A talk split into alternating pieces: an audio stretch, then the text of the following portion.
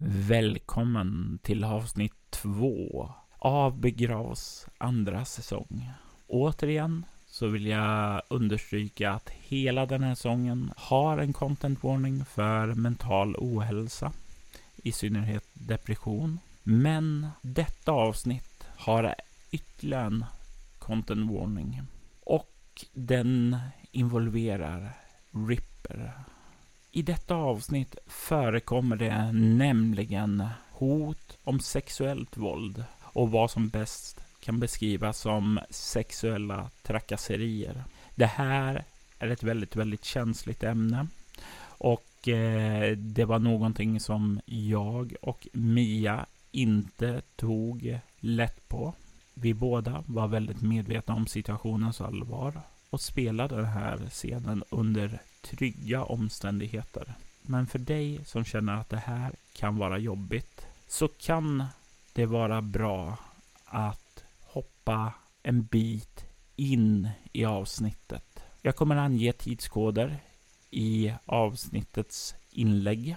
Så om du vill avnjuta avsnittet så kan du se vilka tider som är säkra och trygga att lyssna på.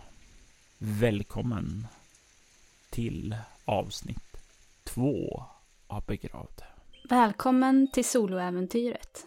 Mitt namn är Mia Gibson och jag tar rollen som Tracy Lockwood.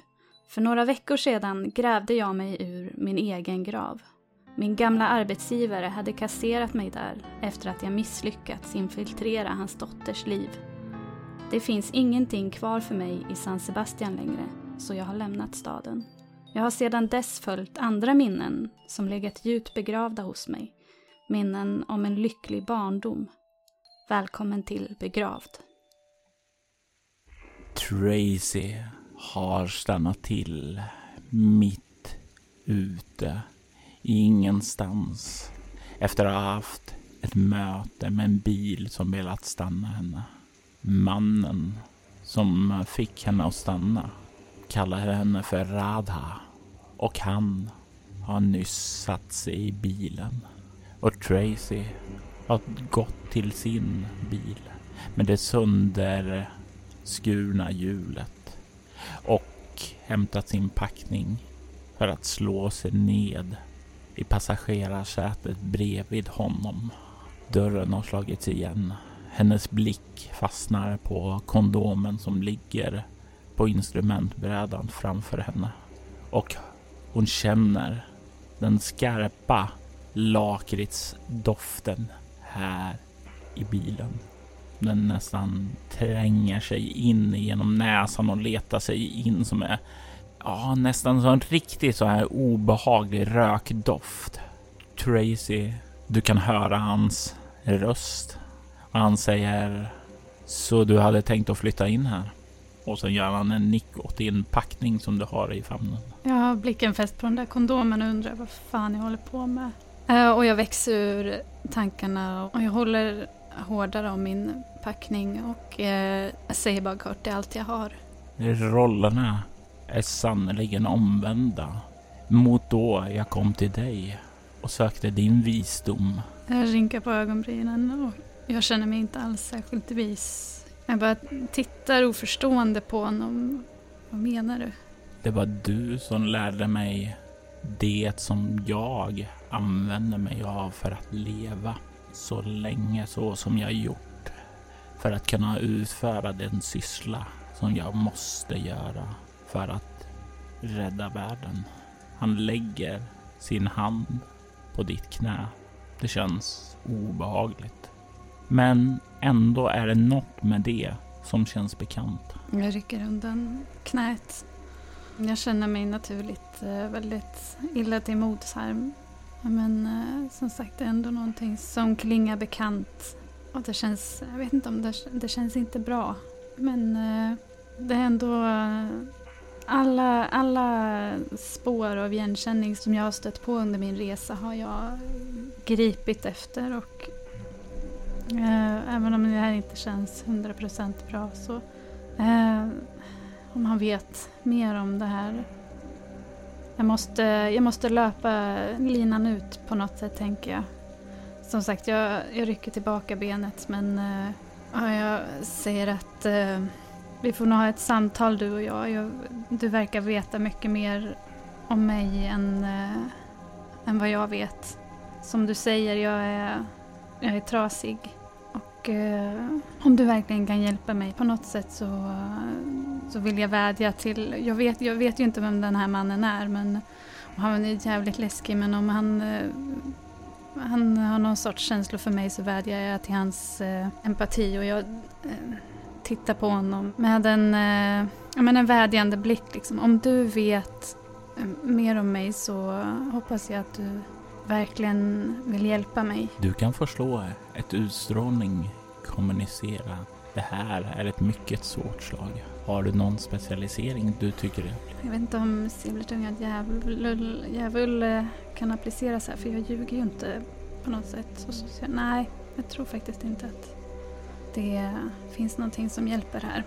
Men du sa utstrålning eh, 6 och eh, interaktion 4, det är 10 plus 2, 12. Du kan se din vädjande ögon när han möter dem. Och det är som han stirrar kallt tillbaka och säger Dina ögon är inte dina egna. Den där blicken fungerar inte på mig. Det var länge sedan Rada. Jag lät mig förföras av dig.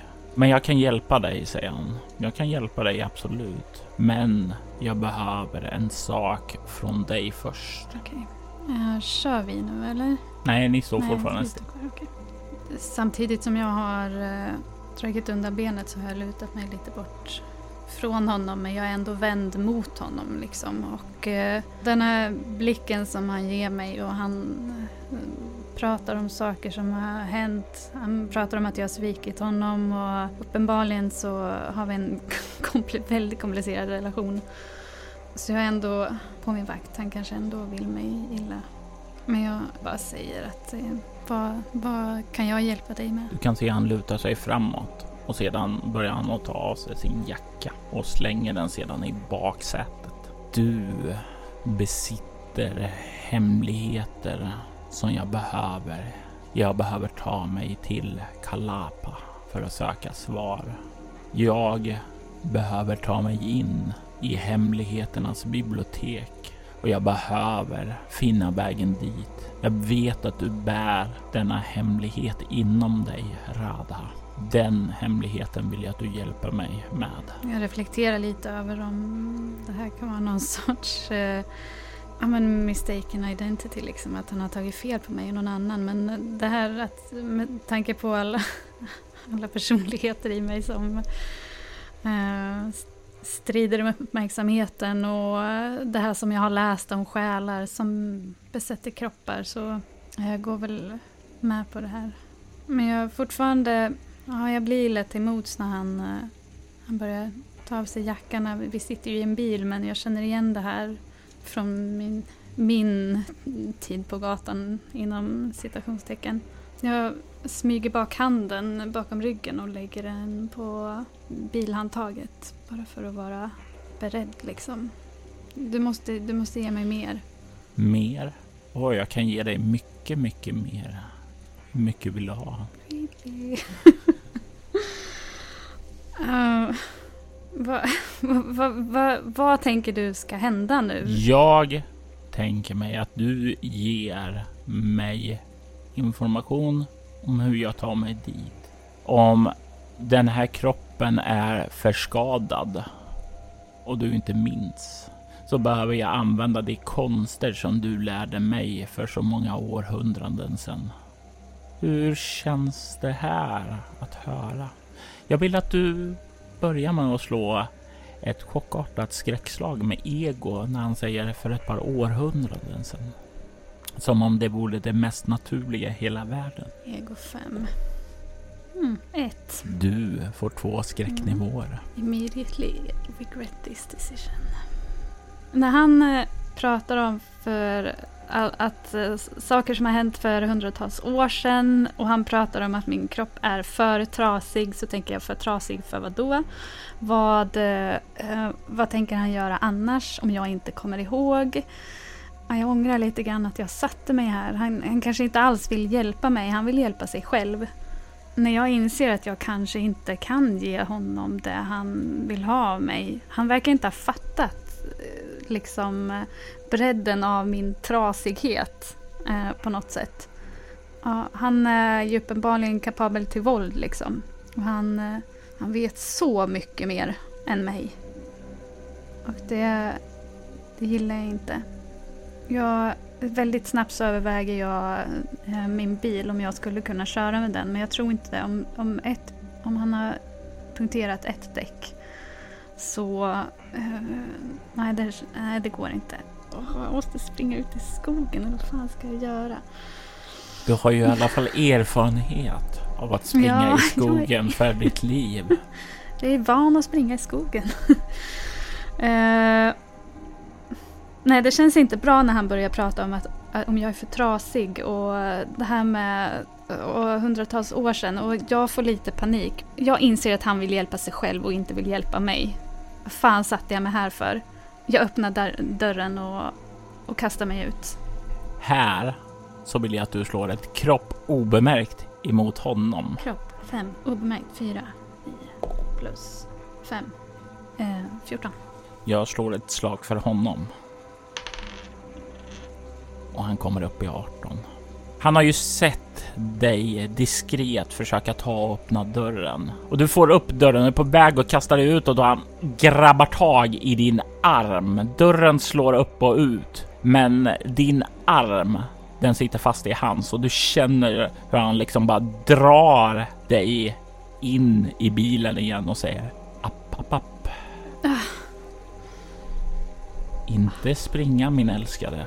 Jag, jag, kan inte hjälpa dig. Varför kan du inte hjälpa mig? Vill du inte hjälpa mig? Om du vill hjälpa mig så vill jag hjälpa dig, men jag, jag, är, jag är trasig. Jag, jag säger det. Jag är nog mer trasig än vad du, vad du förstår.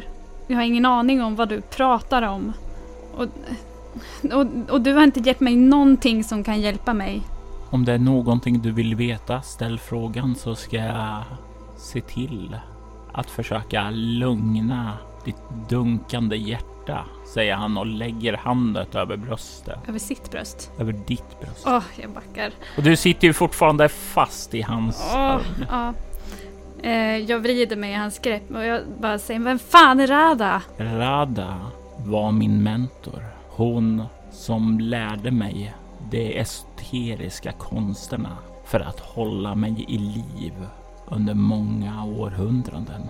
Hon som gav mig gåvorna att leva för evigt. Ja, men vad, och vad fan har det med mig att göra?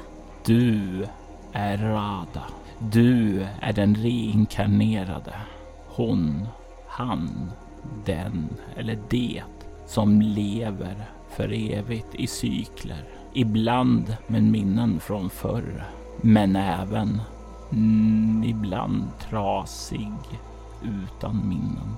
Och det förefaller mig nu att du tillhör den trasiga cykeln, mer trasig än någon tidigare. Jag tror att jag börjar få lite tårar i ögonen när han säger det här. För att jag är så trasig i, eh, på något sätt i dubbel bemärkelse. Jag har alltid varit det. Och jag vet inte riktigt hur jag ska eh, hantera all den här informationen. Du kan se hur han lyfter sin hand ifrån ditt bröst. För den upp till ansiktet och tar med en tumme och torkar bort en av dina tårar och för den tillbaka till sina läppar och smakar på den samtidigt som han ganska varsamt och försiktigt släpper greppet om dig. Jag försöker ju backa när hans hand når mitt ansikte men eh, jag lyckas inte och ehm, på något sätt så jag, jag, vill, eh, jag vill slappna av här och ha någon som vet mer än jag som kan berätta för mig vad allt det här betyder och någon som står på, med alla svar. Men eh, jag förstår också att eh, det här kanske är någonting. Jag kanske aldrig, den här mannen kommer inte kunna göra mig hel på något vis. Kanske snarare tvärtom. Och eh, om han om han slappnar av, om han backar tillbaka eh, så vill jag eh, försöka igen och sticka därifrån. Du kan slå ett nytt slag nu med kropp plus obemärkt och eftersom du använder det här stunden, tillfället för att eh, överraska honom så får du plus två på slaget. Nio. Tretton då. Du kan se hur han eh, inte riktigt hinner fånga dig. Han har varit lite för distraherad av att suga i sig smaken av din tår då du kastar dig ut och landar på knäna utanför. Du kommer precis utanför själva asfaltsvägen och landar med knäna på eh, lervällingen som eh, sluttar inåt ned mot skogen. Jag reser mig snabbt upp och, och springer och jag gråter. Jag vet inte vad som, eh, vad som händer nu och det är alldeles för mycket. Jag bara springer väl bort härifrån, bort från allt. Och ungefär på samma sätt som jag ville ta mig ut ur skogen när jag vaknade ur, i den här graven så vill jag på något sätt bara försvinna in i skogen nu, bort från allt det här. Jag råkutar. Du får nu slå ett kropp plus rörlighet mot Rippers kropp plus rörlighet. Till din stora lättnad så har han betydligt sämre i rörlighet än i obemärkt. Och eftersom du initierar här och tack vare din beskrivning så får du plus två. Mm. 18. Får han en femma eller sexa får han ett marginellt lyckat. Annars så kommer du att få ett ganska stort försprång. Och jag slår en etta. Du kommer upp på fötterna och rusar ut och du kan se hur han rycks ur eh, den här villfarelsen över att du har infogat dig under hans eh, roder. Du kan se det sista blicken innan du rusar ut i skogen, hur han börjar ta sig ut ur bilen på sin förarsäte. Du kommer in i skogen, du börjar rusa, du kan se det är snårigt, du börjar springa. Jag vill att du slår ett kropplös överlevnad här, bara för att se hur van och hur mycket du uppfattar av skogen omkring dig. 12 Du känner ju som sagt var, det är ju definitivt inte riktigt samma sorts skog som du sprang där nere när du vaknade upp i graven, men just den här känslan att bli jagad av ett vilddjur, det är ju väldigt, väldigt bekant för dig. Du känner till och med hur regnet som slår ner där påminner om det här. Du rusar dock inte mot en öppning i skogen den här gången, utan du bara rusar djupare in i den och du kan höra långt bakom dig hur knak och brak börjar att eh, komma efter dig. Du har rusat, ja, du vet inte hur länge och du kan känna att eh, långt där bakom så kan du höra han verkar röra sig efter dig. Du ger ifrån dig en hel del ljud, verkar ha lagt lite distans ifrån honom tack vare den här vilda paniken. Men nu börjar du känna hur andan börjar bli tyngre, att det börjar bli en större påfrestning och jag vill att du tar en bestående förlust nu. Du får välja om det är viljan som går ut eller om det är ja, tanke, ja, det klartänkta sinnet som gör det eller om det faktiskt är den här andfåddningen och utmattningen som är den värsta påfrestelsen just nu. Jag tror att jag bara är väldigt, väldigt förvirrad eh, av allt som händer och eh, det är det som eh, påverkar mig liksom. Då kan du ta en bestående förlust i ego. Du kan se här när du liksom kommer och börjar eh, i ditt förvirrade tillstånd börja kolla bollen springer härnäst. Du kan ana att eh, ja, det verkar bli snårigare skog rakt framåt. Men lite åt eh, snett åt höger där så verkar det komma ut på någon form av djurstig. Mm, det känns ju bra rent instinktivt. Jag tänker att min, jag vill bara försvinna in i mörkret, tätare och tätare skog men måste också komma någonstans och ha någonting att följa. Det i och för sig blir lättare för honom att följa mig då. Men om han är en bit bakom så kanske han missar det om jag är, om jag är försiktig. Eh. Rada, kom tillbaka! Kom till mig! Jag ska visa dig alla dina djupaste önskningar. Kom, man skulle inte tro det. Jag, eh, jag tar eh, den här djurstigen. Det kommer bli lättare för mig att eh, springa också och få upp lite mer fart om jag, om jag pallar det. Du rusar ut på stigen och du kan se att ena verkar gå bakåt, alltså från var du kom, alltså närmare vägen. Och jag gissar på att du inte väljer den delen av stigen utan den som verkar gå lite snett bort härifrån. Och du springer den där, du kan höra hans rop där borta. Rada! Rada!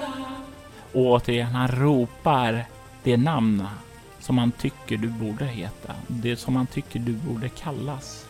Och medan du rusar där, där så kan du snart se att den här stigen, den eh, verkar leda ut till någon form av öppning och du kan se längre bort därifrån ljus. Som om det är någon form av husbelysning eller så. Mm, bra, där kan jag få hjälp. Jag springer dit, jag blir motiverad av eh, ljuset och tänker på att eh, få hjälp. Du kan se när du börjar komma upp till skogsöppningen att eh, det stirrar rätt in på ett, eh, på, på, ett stängsel. Du kan se att det är en stor djurhage och längre bort där borta kan du ana ett stall och det verkar eh, finnas en eh, lite större hus lite om sidan om det. Det verkar ha kommit ut till en ranch av något slag. Jag stannar upp i två sekunder med andan och gråten i halsen och eh, jag springer mot det här stora boningshuset. Lys, det lyser där eller?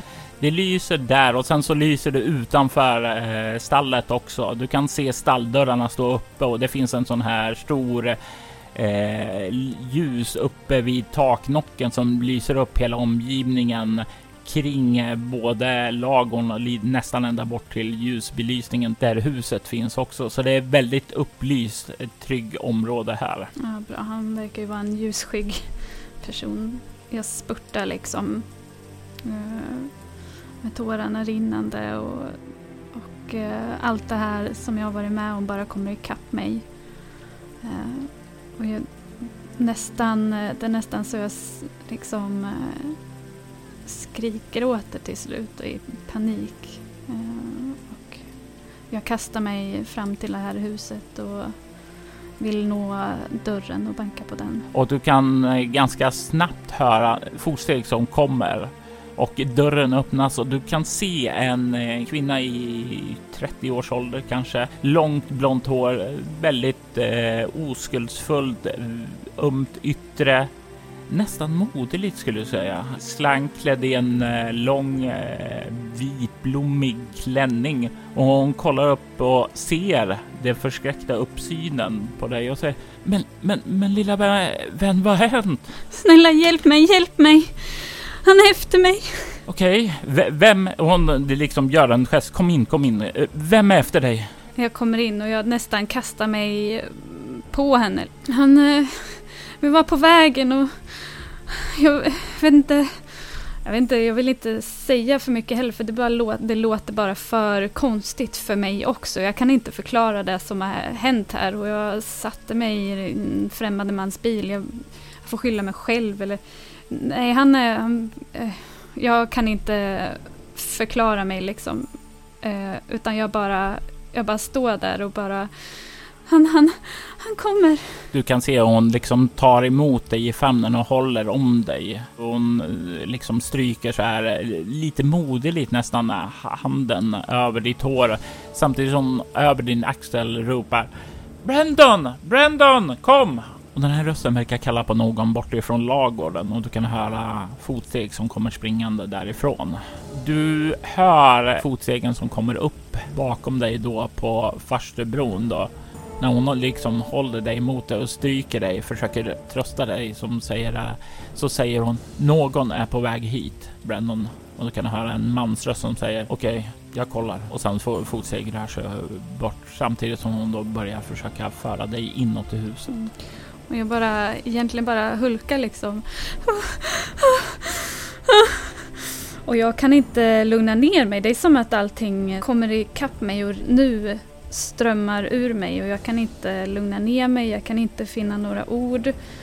Och eh, all den här skräcken liksom av att ha varit, från att ha varit begravd och, och jagad och eh, ja, död igen egentligen och eh, nu den här mannen som hävdar att han vet en massa saker som jag inte har någon kännedom av och eh, hemliga sällskap och eh, när jag, jag blir liksom som paralyserad i min egen eh, gråt. Liksom. Hon för dig in till köket och ser till att du sätter dig ner på eh, kökssoffan där.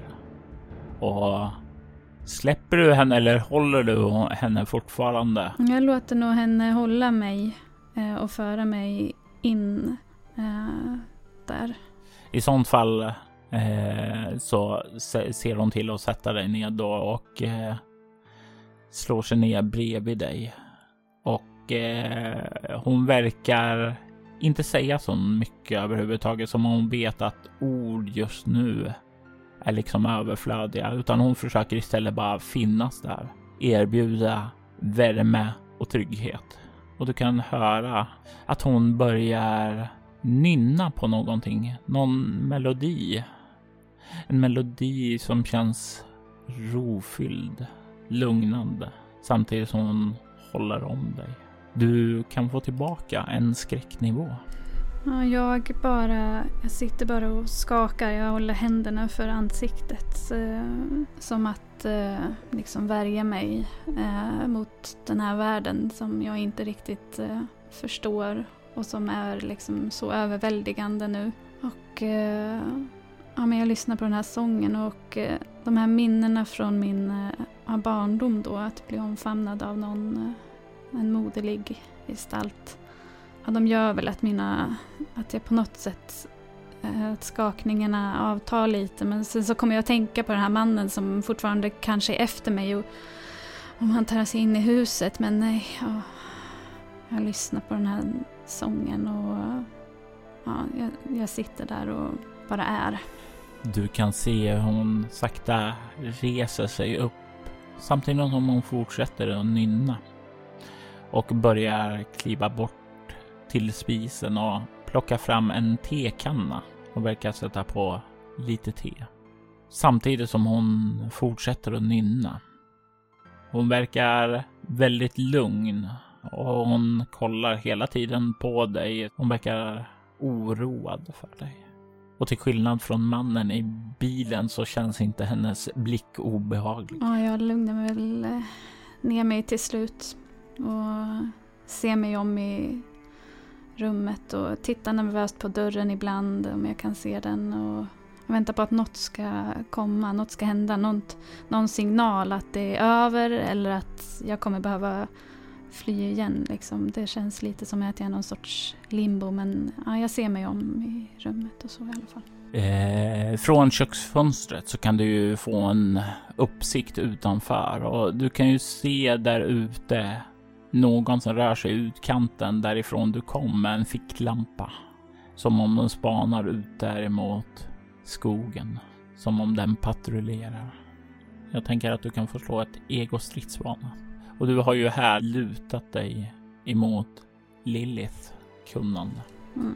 Nio. Personen där ute som patrullerar verkar göra det på något professionellt sätt. Säkerhetsvakt, polis kanske eller någonting annat. Du vet inte, men den verkar i alla fall veta vad den gör. Mm, det, känns, eh, det känns faktiskt bra. Personen där ute har koll liksom. Jag slappnar av ännu mer. Kanske sänka axlarna lite. Torka mina ögon och titta på det svarta på mina händer och reflekterar över hur jag måste se ut i ansiktet. Eh, med smink som är runnet och kladdat. Eh, men jag tittar också på den här kvinnan och hennes eh, hennes rörelser vid, eh, vid spisen där. Du kan se att hon lyfter av tekannan och häller upp två stycken koppar. Hon lyfter upp den ena och kliver fram till dig och säger Jag tror att lite te kommer göra dig gott, säger hon och ställer ner koppen framför dig. Och eh, nu blir jag så glad så jag börjar... Eller ja men så... Men liksom... Eh, ja men jag blir, jag blir glad eller lättad är väl snarare ordet. Över det här. Så jag börjar gråta igen. Och jag tar, jag tar koppen försiktigt med mina, mina kalla skakande händer och, och lyfter den mot munnen och um, känner försiktigt med, med läpparna om det går att dricka och sen dricker jag väl en liten mun te.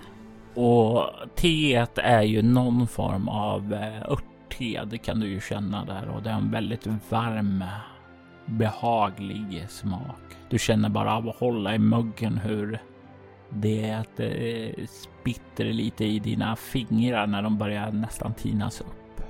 Det är varmt och behagligt och du kan se hur hon kliver bort till bänken och plockar upp sin temugg och går och sätter sig vid dig sedan. Brendan kommer hålla ett öga där ute och om det behövs så agerar vi på det. Du har kommit till The Mackie Ranch. Du ska känna dig trygg här. Vi ska se till att ingenting kommer att hända dig när du är här. Mitt namn är Rose. Tack säger jag bara och tårarna, tårarna rinner fortfarande stilla. Förlåt, det är mitt fel att jag Förlåt att jag blandade in er, men jag... Tack. Oroa dig inte för att blanda in oss. Eh, vi, vi hjälper så gärna där vi kan. Både jag och Brendan tycker att vi bör ta hand om varandra. Mm, jag känner den här... Eh, jag, ehm, jag försöker verkligen att känna känslan av eh, att eh, bli omhändertagen och förtjäna det på något vis. Den här känslan jag fick i bilen av den här mannen som utgav sig för att vilja hjälpa mig. Den var helt annorlunda. Han hade egen, en egen agenda och som sagt, han ville bara hjälpa sig själv. Den här kvinnan, Rose, hon uh, verkar faktiskt eh, vilja hjälpa mig. Eller jag vill tro det. Jag, jag, måste tro att det finns någon, någon som vill mig väl och att jag förtjänar det trots att jag kanske inte gör det. Att det är mitt fel. Det är mitt fel. Det är mitt fel. Men jag dricker mitt te. Jag säger inte så mycket för jag vet inte vad jag ska, jag vet inte vad jag ska säga. Jag säger bara tack. Tack igen. Hon ler emot dig och när den här tystnaden uppstår så känns det inte obekväm. Det känns inte som att hon vill ha svar. Att hon vill veta mer. Utan att hon snarare är helt bekväm i tystnaden och är helt nöjd med att bara finnas där som stöd om du skulle behöva det. Och det känns så skönt att det inte finns några krav på svar. Och jag känner att jag kanske kan släppa lite av eh, mina egna krav på svar.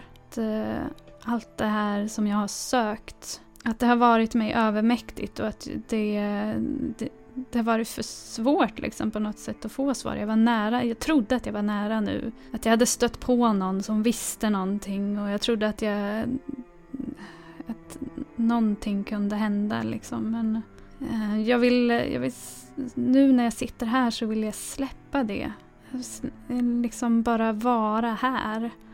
Eh, och att bara slippa jaga framåt hela tiden eller bakåt eller vad man nu eh, ska säga. Och, och, att eh, släppa det här, att dricka teet, att bara vara, gör ju sagt att eh, din kropp börjar lugna ner sig, bli mer hel så att säga. Och du kan återfå din bestående förlust i ego. Utanför så faller regnet allt mer och du kan ju se ibland hur den här ljusfacklan, den här ljuskäglan går från eh, ficklampan fladdrar förbi när den här mannen rör sig där ute. Men eh, efter en stund så verkar den ha rört sig bort och inte synas längre.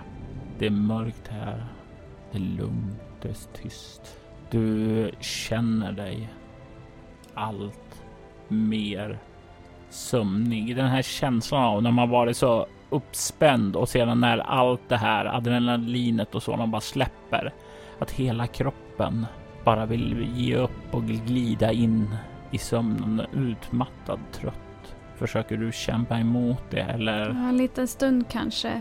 Uh, Eh, jag är på min vakt fortfarande. Jag kommer tillbaka till verkligheten ibland på något sätt och tittar nervöst ut genom fönstret och sträcker på mig och kikar efter den där lampan och väntar på att något ska hända men till slut bara sjunker jag ihop och eh, teet är slut.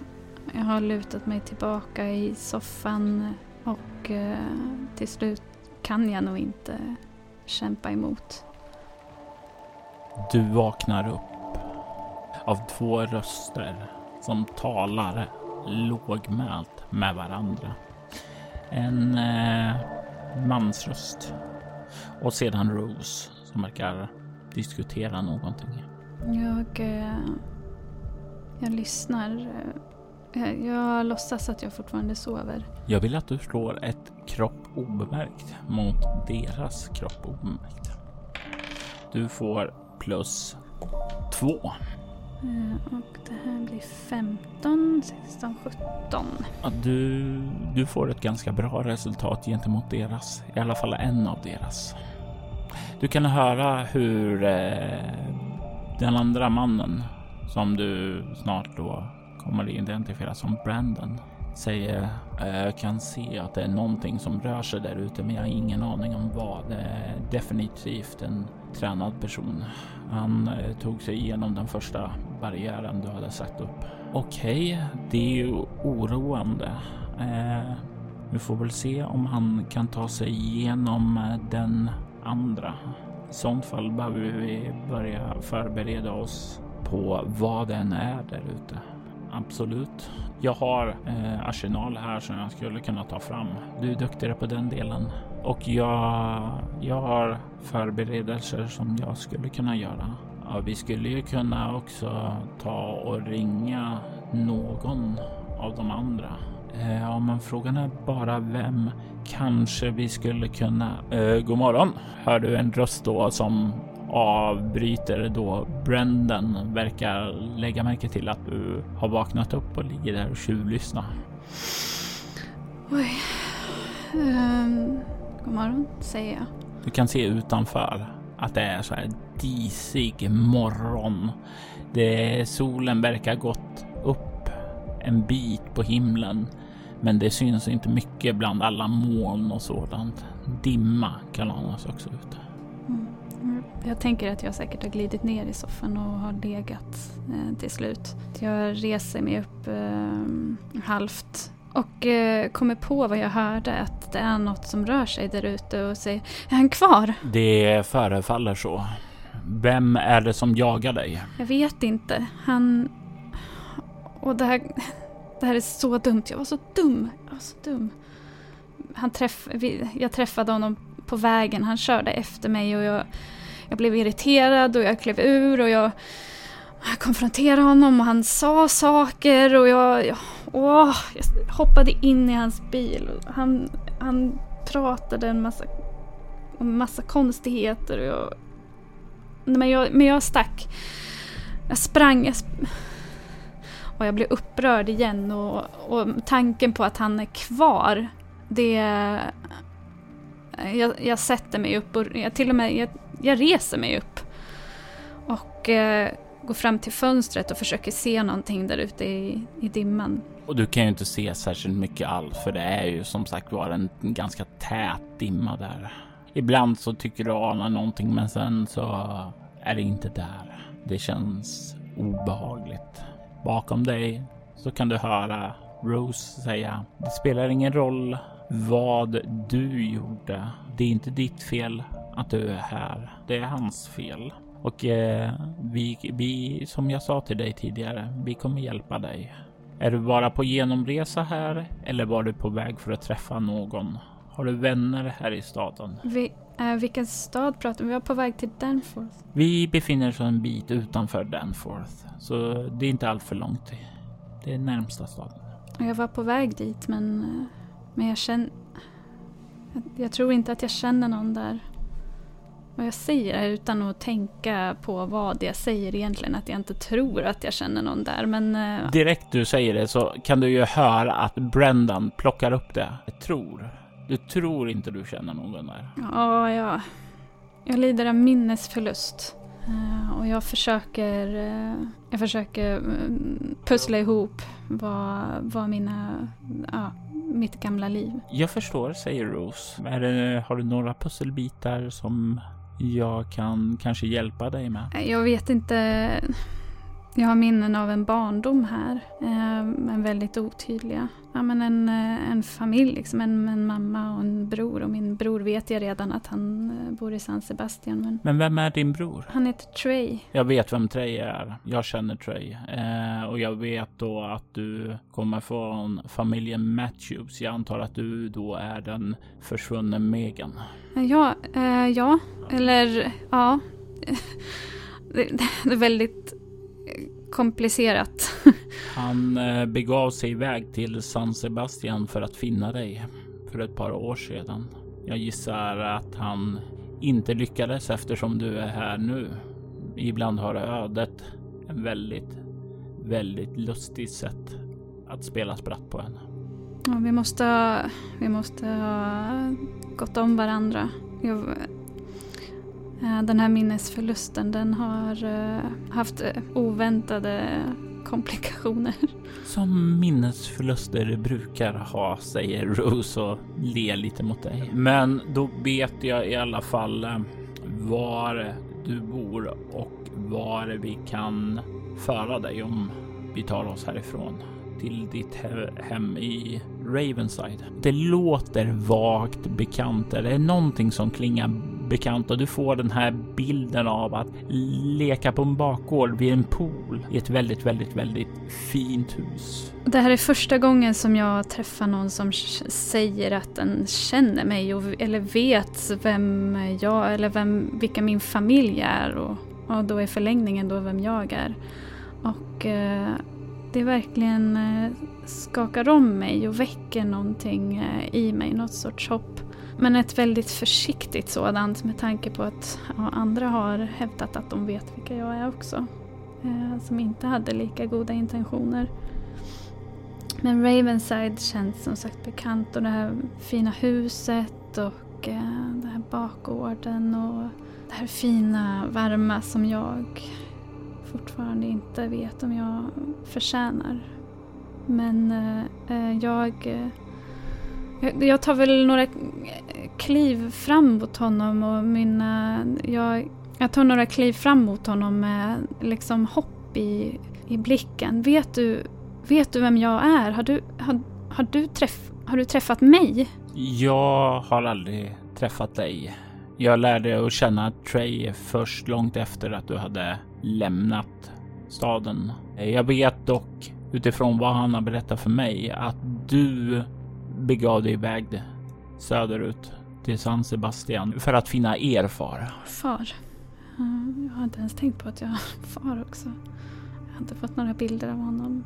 Eh, Okej. Okay. Um, men det här... Eh, jag vill jättegärna komma till eh, Ravenside så fort vi kan. Jag tror det skulle hjälpa mig men han där ute och jag tänker på han som smyger runt där ute och det känns som att han är någon sorts vakthund som vaktar skatten och hindrar mig från att eh, nå eh, det här vackra, fina. Vad gör vi? Vad, vad, vad kan vi göra? Jag föreslår att vi...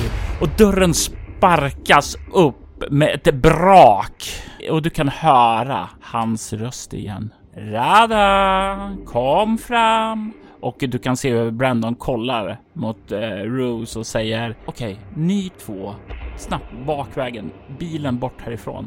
Och du kan se hur Rose bara skakar på huvudet. Nej, låt mig ta hand om honom. Ni två, bort härifrån. Uh, shit. Uh, jag rycker till uh, när jag hör dörren och uh, han är här. Han är här. Medan de, de pratar så bara faller jag tillbaka i det här. Han är här, han är efter mig och eh, jag självmant liksom, jag hör det här med bakdörren och rör mig mot, försöker hitta någon bakdörr. Ja, jag vill att du tar och slår ett kroppsstridsbana för att se hur eh, fokuserat och hur snabbt det här går. Mm, sju, oh, åtta. Det går ju saktare än du skulle vilja. Mycket på grund av att du är, känner dig så paralyserad och sådant där. Men du börjar stappla bakåt där. Du kan eh, uppfatta att de verkar tjafsa en liten kort stund. Du kan höra fotsteg kliva in i hallen börjar närma sig. Du börjar panikartat leta efter utgångar. En eh, utdörr och du, du sliter upp den första dörren du finner och det visar sig inte vara en dörr ut utan det verkar bara in till ett stort förråd där istället. Ett matförråd. Och ingen väg vidare och du vänder dig om för att kolla runt efter någon annan dörr utåt. Du ser honom igen. Han som känner Rada. Ripper. Ripper står i dörröppningen in till köket med kniven i handen. Du kan se hur Brendan verkar snurra runt där och han verkar dra en kniv från köksstället där för att göra sig redo för strid. Och du kan se hur Rose far upp med händerna och verkar säga någonting Ja, skydda oss modern. Och du kan se hur just då när hon säger det, det är som om hennes händer glöder till. Och när han försöker kliva in i köket, så kan du se hur det tar stopp för honom, att det gnistrar till i dörröppningen. Som om en barriär har dykt upp där som skyddar er därifrån.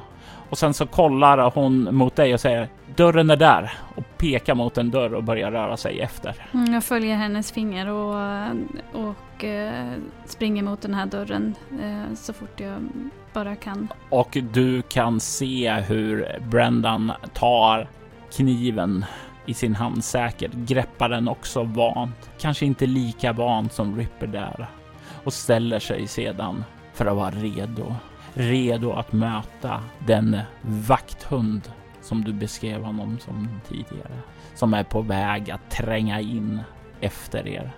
Du och Rose kommer ut på baksidan och hon, hon rusar mot en bil som står där, en gammal pickup som eh, är redo att ta er härifrån. Hon ropar mot pickupen, mot pickupen!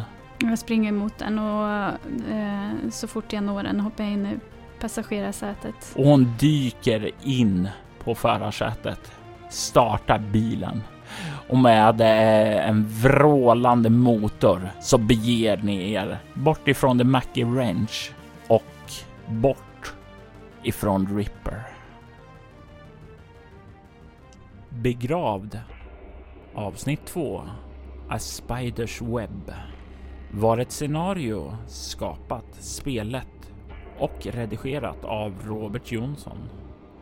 Maria Gibson var spelare i detta avsnitt och eh, gestaltade Tracy Lockwood, Megan Matthews, Lilith Danforth och Rada.